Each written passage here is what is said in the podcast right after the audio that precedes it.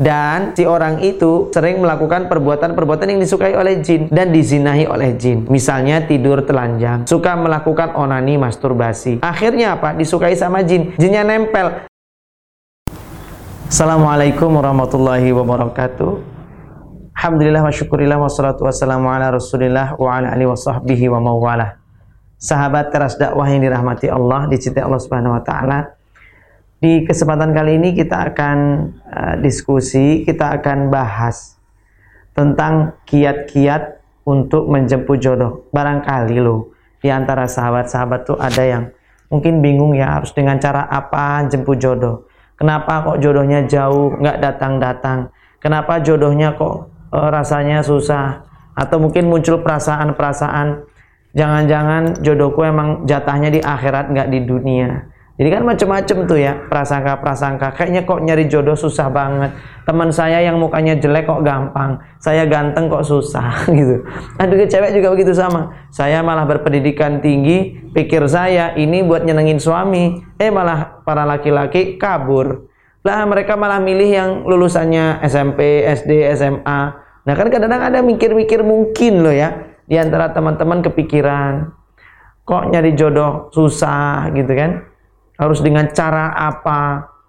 Sampai kadang-kadang tergoda juga dengan cara ya mungkin pingin kedukun lah ya atau mungkin percaya lagi sampai saking stresnya nih gara-gara jodoh nggak datang-datang kadang-kadang ada ketemu orang tahu-tahu ngomong begini eh mbak kamu tuh jodoh nggak datang-datang aku tahu loh kenapa. Emang kenapa?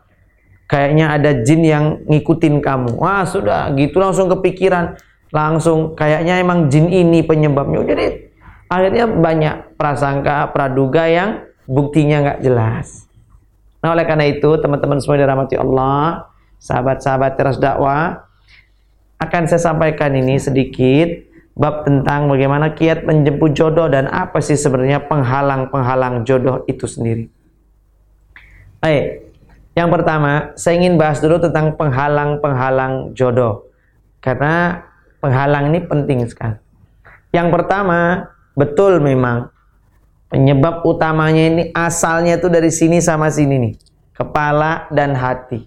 Jadi kalau ada orang yang mungkin jodohnya nggak datang-datang, bisa jadi penghalangnya itu ya kepalanya sendiri, pikirannya yang negatif atau hatinya yang kotor, yang rusak, isinya zon prasangka dengan keburukan takdir Allah. Jadi gini maksudnya. Contoh nih, contoh di kepala nih mikirnya gini kayaknya emang saya ini jodohnya nanti deh di akhirat di dunia ini kayaknya nggak ada kalau ada muncul perasaan begitu maka itu tandanya apa kalau muncul perasaan begitu itu bisa jadi loh akhirnya menstigma menglockdown nah, itu dia bahasa kita sekarang ngelockdown kepalanya sendiri mindsetnya terkunci Kenapa terkunci? Bahwa kita ini jodohnya nanti di akhirat dunia nggak dapat. Akhirnya apa? Mempengaruhi semua ikhtiarnya. Malas ikhtiar, ah udahlah tak ngibadah aja deh.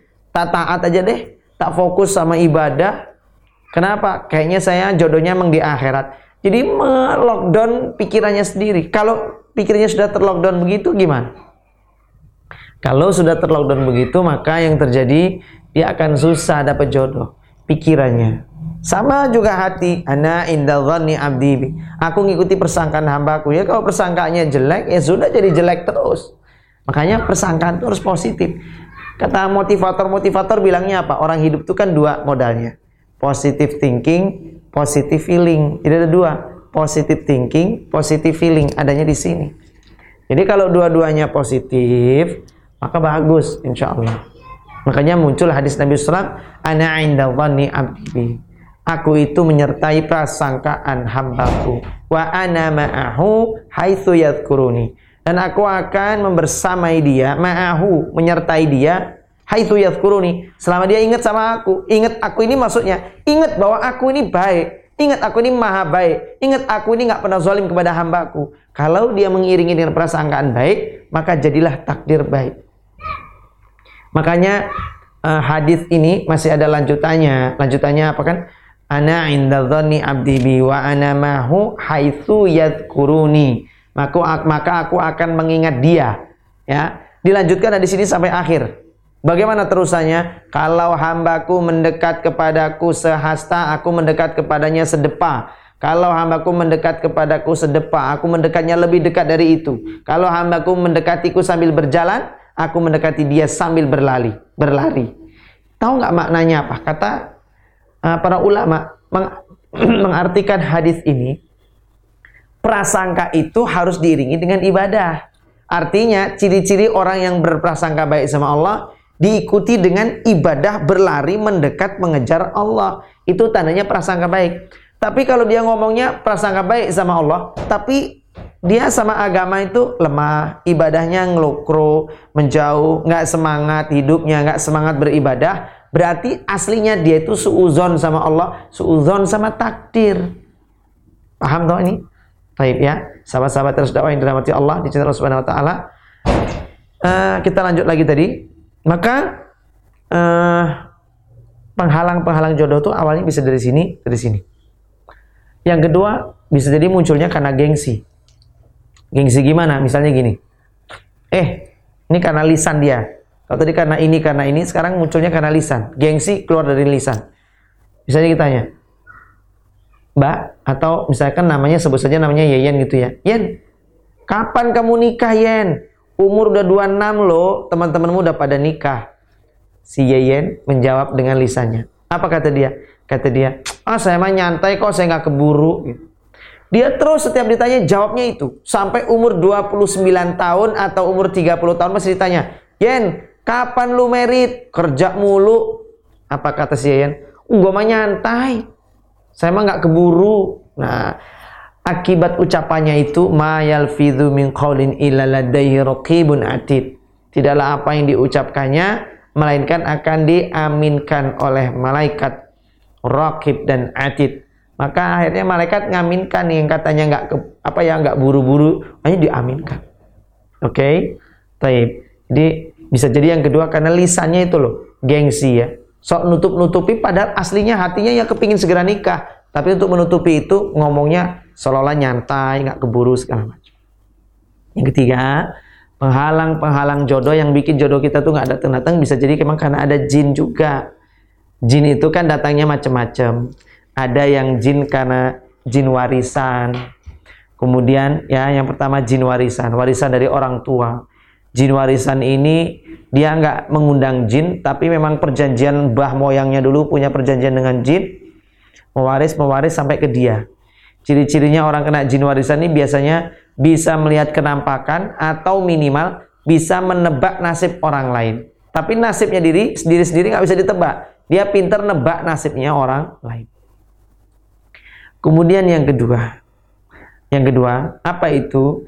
Yang kedua ada jin yang namanya eh, jin yang datangnya karena memang diundang. Yang pertama tadi jin warisan, kedua diundang. Ya suka main jelangkung jelangkungan yang termasuk suka jatilan, ya, ngundang jin, bermain-main sama jin, maka ini termasuk ngundang. Yang suka lama-lama di kamar mandi, kalau mandi atau pipis tuh sampai lama di kamar mandi, ini ngundang jin, mengundang jin.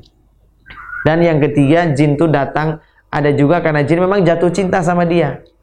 Kenapa jatuh cinta? Mungkin karena orang itu dianggap oleh jin itu cantik atau ganteng dan si orang itu sering melakukan perbuatan-perbuatan yang disukai oleh jin dan dizinahi oleh jin. Misalnya tidur telanjang, suka melakukan onani masturbasi. Akhirnya apa? Disukai sama jin. Jinnya nempel. Kalau jin sudah suka sama orang, suka sama orang nempel, maka dia akan kelihatan seperti maaf ya, maaf cakap istilahnya seperti uh, Sri Gunung. Sri Gunung itu Sri itu perempuan, gunung itu artinya kan gunung ya. Gunung itu apa maksudnya? Perempuan seperti gunung ini dari jauh indah, dekat jelek. Maka orang yang ketempelan jin itu begitu. Dari jauh kelihatan cakep, ganteng, cantik, giliran dekat kok mukanya mengerikan.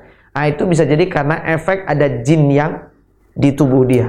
Dia tidak suka kalau uh, tubuh orang ini didekati oleh orang lain, cemburu jinnya, maka wajahnya dibuat tampak jelek. Itu ada jin karena jatuh cinta. Yang keempat, Jin juga bisa datang karena apa? Karena dikirim. Orang yang nggak suka, sakit hati, lalu ngirim jin. Nah, bentuknya eh, guna-guna, dibuat dia jodohnya jauh. Tidak ada solusinya kalau yang masalah jin ini, kecuali dia harus rukyah mandiri. Apa? Rukyah mandiri. Kalau Anda rukyah ke seorang ustadz, bisa jadi pas di rukyah jinnya keluar, Anda pulang jinnya nempel lagi.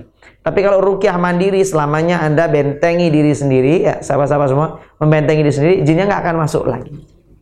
Oleh karena itu penting membentengi diri sendiri dengan rukyah mandiri. Jadi penghalang jodoh itu bisa jadi karena tadi ya pikirannya, karena hatinya, kemudian yang kedua karena lisannya, gengsi, bisa juga yang ketiga karena jin. Yang keempat adanya namanya negatif personality dia punya personality yang uh, minus, yang jelek. Misalnya dia tuh punya kekurangan, tapi orang lain tuh nggak nggak mau ngasih tahu dan dia naasnya nggak tahu kekurangan dirinya. Mohon maaf nih, mohon maaf. Misalnya orang ini nih punya sikap uh, sikap ya perbuat atau nggak usah sikap lah. Maaf, keringetnya bau aja lah. Dia keringetnya bau tengil lah, tengil apa tengik lah gitu. Nggak enak pokoknya. Kecut, asem, campur aduk. Ini keringetnya nggak enak.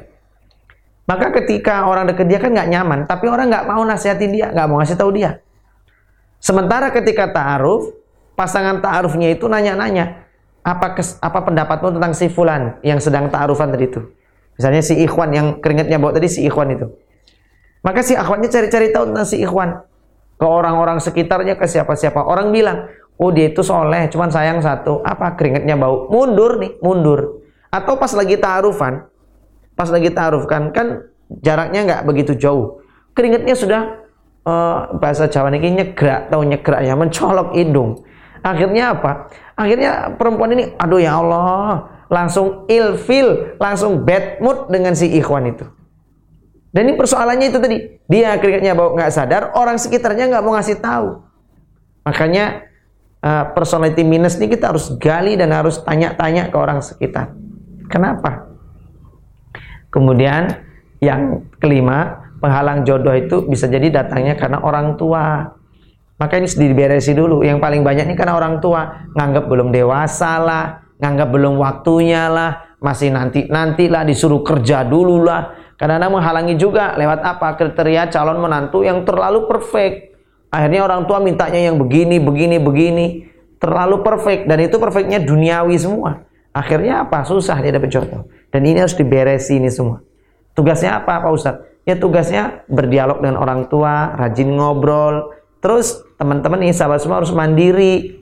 Sama orang tua itu ya mandiri, jangan ngerepotin terus. Selama Anda numpang makan ngerepotin, selama itu pula belum dianggap mandiri, selama itu pula belum dianggap dewasa.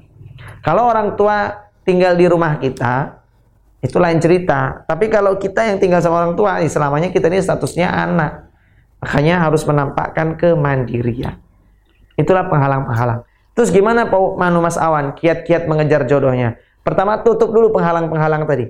Kalau ngerasa punya penghalang tadi tutup dulu penghalangnya. Setelah itu apa? Bismillah, banyak doa, banyak ikhtiar, banyak tawakal. Tawakal itu kau lakukan sejak awal, bukan setelah ikhtiar. Tawakal itu dari awal. Makanya kita kalau keluar rumah baca apa coba doanya? Bismillahi tawakkaltu Allah. Kita kan baru mau berangkat tuh. Ikhtiar juga belum. Artinya masih berangkat. Kita sudah menyertakan Allah. Bismillahi tawakkaltu Allah. Ya Allah dengan namamu aku bertawakal kepadamu atas usaha ini. Jadi menyertakan Allah sejak awal. Maka teman-teman tuh kalau mau menjemput jodoh, datang ke tempat ustadz, datang ke tempat teman, datang ke tempat siapa lah. Bismillah mau uh, ke rumah-rumah ta'aruf ya mau daftar gitu, pertama sholat dulu dua rakaat, sertakan Allah, doa dulu sama Allah. Ini salah satu bentuk tawakal. Dari awal sudah menyertakan Allah.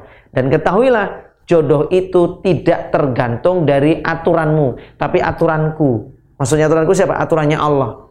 Jadi jangan mengira kalau kau daftar di rumah ta'aruf ini, rumah ta'aruf itu, di tempat biro jodoh ini, jodohnya akan datang dari situ-situ. Oh, belum tentu.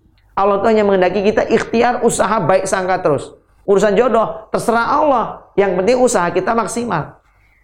Jangan-jangan usaha yang nggak maksimal itu Allah nggak datangkan jodoh. Makanya jodoh itu tergantung juga dari usaha kita. Karena jodoh itu termasuk takdir ikhtiari yang harus diikhtiarkan dalam menjemputnya. Jadi ada tawakal, kemudian ada ikhtiar, ada doa. Nah ini doa yang mau tak ajarkan buat teman-teman yang menjemput jodoh itu. Doanya apa? doanya misalnya ya namanya si A. Maka Anda sebut namanya si A, sebut namanya si A, tapi jangan minta dinikahkan sama si A. Contoh misalnya namanya Sari. Bukan Sari Pudin ya, Sari. Ini si ikhwannya doa. Ya Allah, Sari ini hafizah, taat, soleh, baik. Rob, kalau Sari ini baik untuk duniaku, agamaku, akhiratku, permudahkanlah. Tapi kalau tidak, gantikan dengan yang lain ya Allah. Nah, itu mintanya. Jadi jangan kita minta dinikahkan dengan si Sari. Ya Allah, kau tahu Sari ini soleha, hafiz Quran segala macam. Maka jodohkan saya dengan Sari ya Allah. Nggak boleh. Kenapa? Karena kita tidak tahu apakah Sari ini baik untuk dunia akhirat kita atau tidak. Soleh, sekedar soleh nggak cukup buat jodoh. Jodoh itu yang penting cocok, yang penting klik. Soleh, ya kita cari yang soleh. Tapi ingat, tidak semua yang paling soleh itu cocok buat kita. Tidak semua yang paling soleh itu cocok buat kita. Nyatanya sahabat Nabi ada kok yang cerai. Betul? Ya ada sahabat-sahabat Nabi yang bercerai. Padahal kurang apa sama-sama soleh. Ummu Sulaim. Kemudian dengan uh, siapa? Uh, Zaid bin Thabit. Bagaimana mereka bercerai. Padahal soleh sama soleh. Baik sama baik. Mereka menikah ya, Zaid dengan Ummu Sulaim. Nikah, Zaid punya anak Zaid bin Haritha. Uh, Zaid dengan Zainab. Mereka menikah, tapi cerai. Kurang soleh apa Zainab? Kurang soleh apa Zaid, anak angkatnya Rasul? Tapi mereka cerai. Kenapa? Soleh dan soleha tak sekedar cukup untuk membangun rumah tangga. Rumah tangga itu perlu ada kecocokan. Nah, kadang-kadang kecocokan itu di luar konteks solehan. Maka teman-teman, kalau sebut namanya orang, jangan dijodohkan sama dia. Kita nggak boleh minta gitu. Biar Allah yang milihkan buat kita. Gitu ya. Nah, diiringi dengan doa, terus plus teman-teman visualisasi lah dikit-dikit. Ini penting. Untuk apa visualisasi? Visualisasi, afirmasi itu buat kita supaya ingat doa terus. Misalnya apa? Ini teman-teman yang punya kasur nih, tidur nih. Yang punya bantal, colong ya sekarang. Coba beli bantal, bantalnya yang panjang buat dua kepala. Bayangin kalau mau tidur ini, ya Allah, dia siapin bantal buat calonku, ya Allah, tapi calonnya belum ada. Tolong ya Allah. Gitu. Itu guling tuh, mas-mas yang ikhwan-ikhwan. Itu kalau tidur punya guling tuh, gulingnya dijilbabin tuh, nggak apa-apa. Biar apa? Biar doa terus. Kalau ngeliat guling itu langsung, ya Allah, perasaannya sudah semakin dekat, ya Allah, auranya semakin dekat. Ini mau muncul tuh nanti begitu tuh. Perasaan begitu. Itu buat kita tuh jadi doanya lebih kencang, doanya lebih sering. Itu kan sama kayak saya dulu ngasih resep ke uh, jamaah juga ada yang begitu sama. Pakai resep itu alhamdulillah cepat alhamdulillah. Padahal maaf maaf ya, secara physically di bawah standar, tapi dapat jodohnya ganteng bagus. Apa yang dilakukan salah satunya afirmasinya itu rak tempat baju-baju, rak baju-baju itu paling atas dikosongin, ditulisin ini rak buat calon suami saya. Maka setiap kali dia buka buka lemari, dia langsung melihat rak paling atas kosong dipersiapkan buat suaminya. Di situ dia langsung bersolawat, bertahmid, berdoa kepada Allah Subhanahu Wa Taala. Bercepat itu, ya mengingat itu. Nah, begitu pula uh, kita kita kalau mau hafal Quran kan begitu ya. Kalau ingin menjadi penghafal Quran, tulis di tembok-tembok tuh. Cita-cita menghafal Quran ditulis motivasi-motivasi itu minimal mengingatkan kita lagi untuk begitu menghafal Quran. Yang sehari belum bisa sejus, dengan nempel-nempel ingat one day one juice, one day one juice, one day one juice. Kalau teringat itu kita jadi langsung terpukul, langsung ingat Quran, ngambil lagi Quran, baca lagi Quran. Begitu seterusnya. Maka afirmasi itu untuk membantu kita dalam doa, dalam ikhtiar dan bisa mempercepat. Allah alam Demikian ya, teman-teman, sahabat tersedawah semua yang dirahmati Allah. Yang ini bisa saya sampaikan dan mudah-mudahan saya doakan teman-teman semua dapat jodoh terbaik. Bacanya doanya dalam habis sholat itu di surat uh, Furqan ayat 74. Surat ke-25 ayat 74. Rabbana hablana min azwajina wa dzurriyyatina qurrata a'yun waj'alna lil muttaqina imama. Itu aja, mudah-mudahan bermanfaat. Barakallahu fik. Assalamualaikum warahmatullahi wabarakatuh.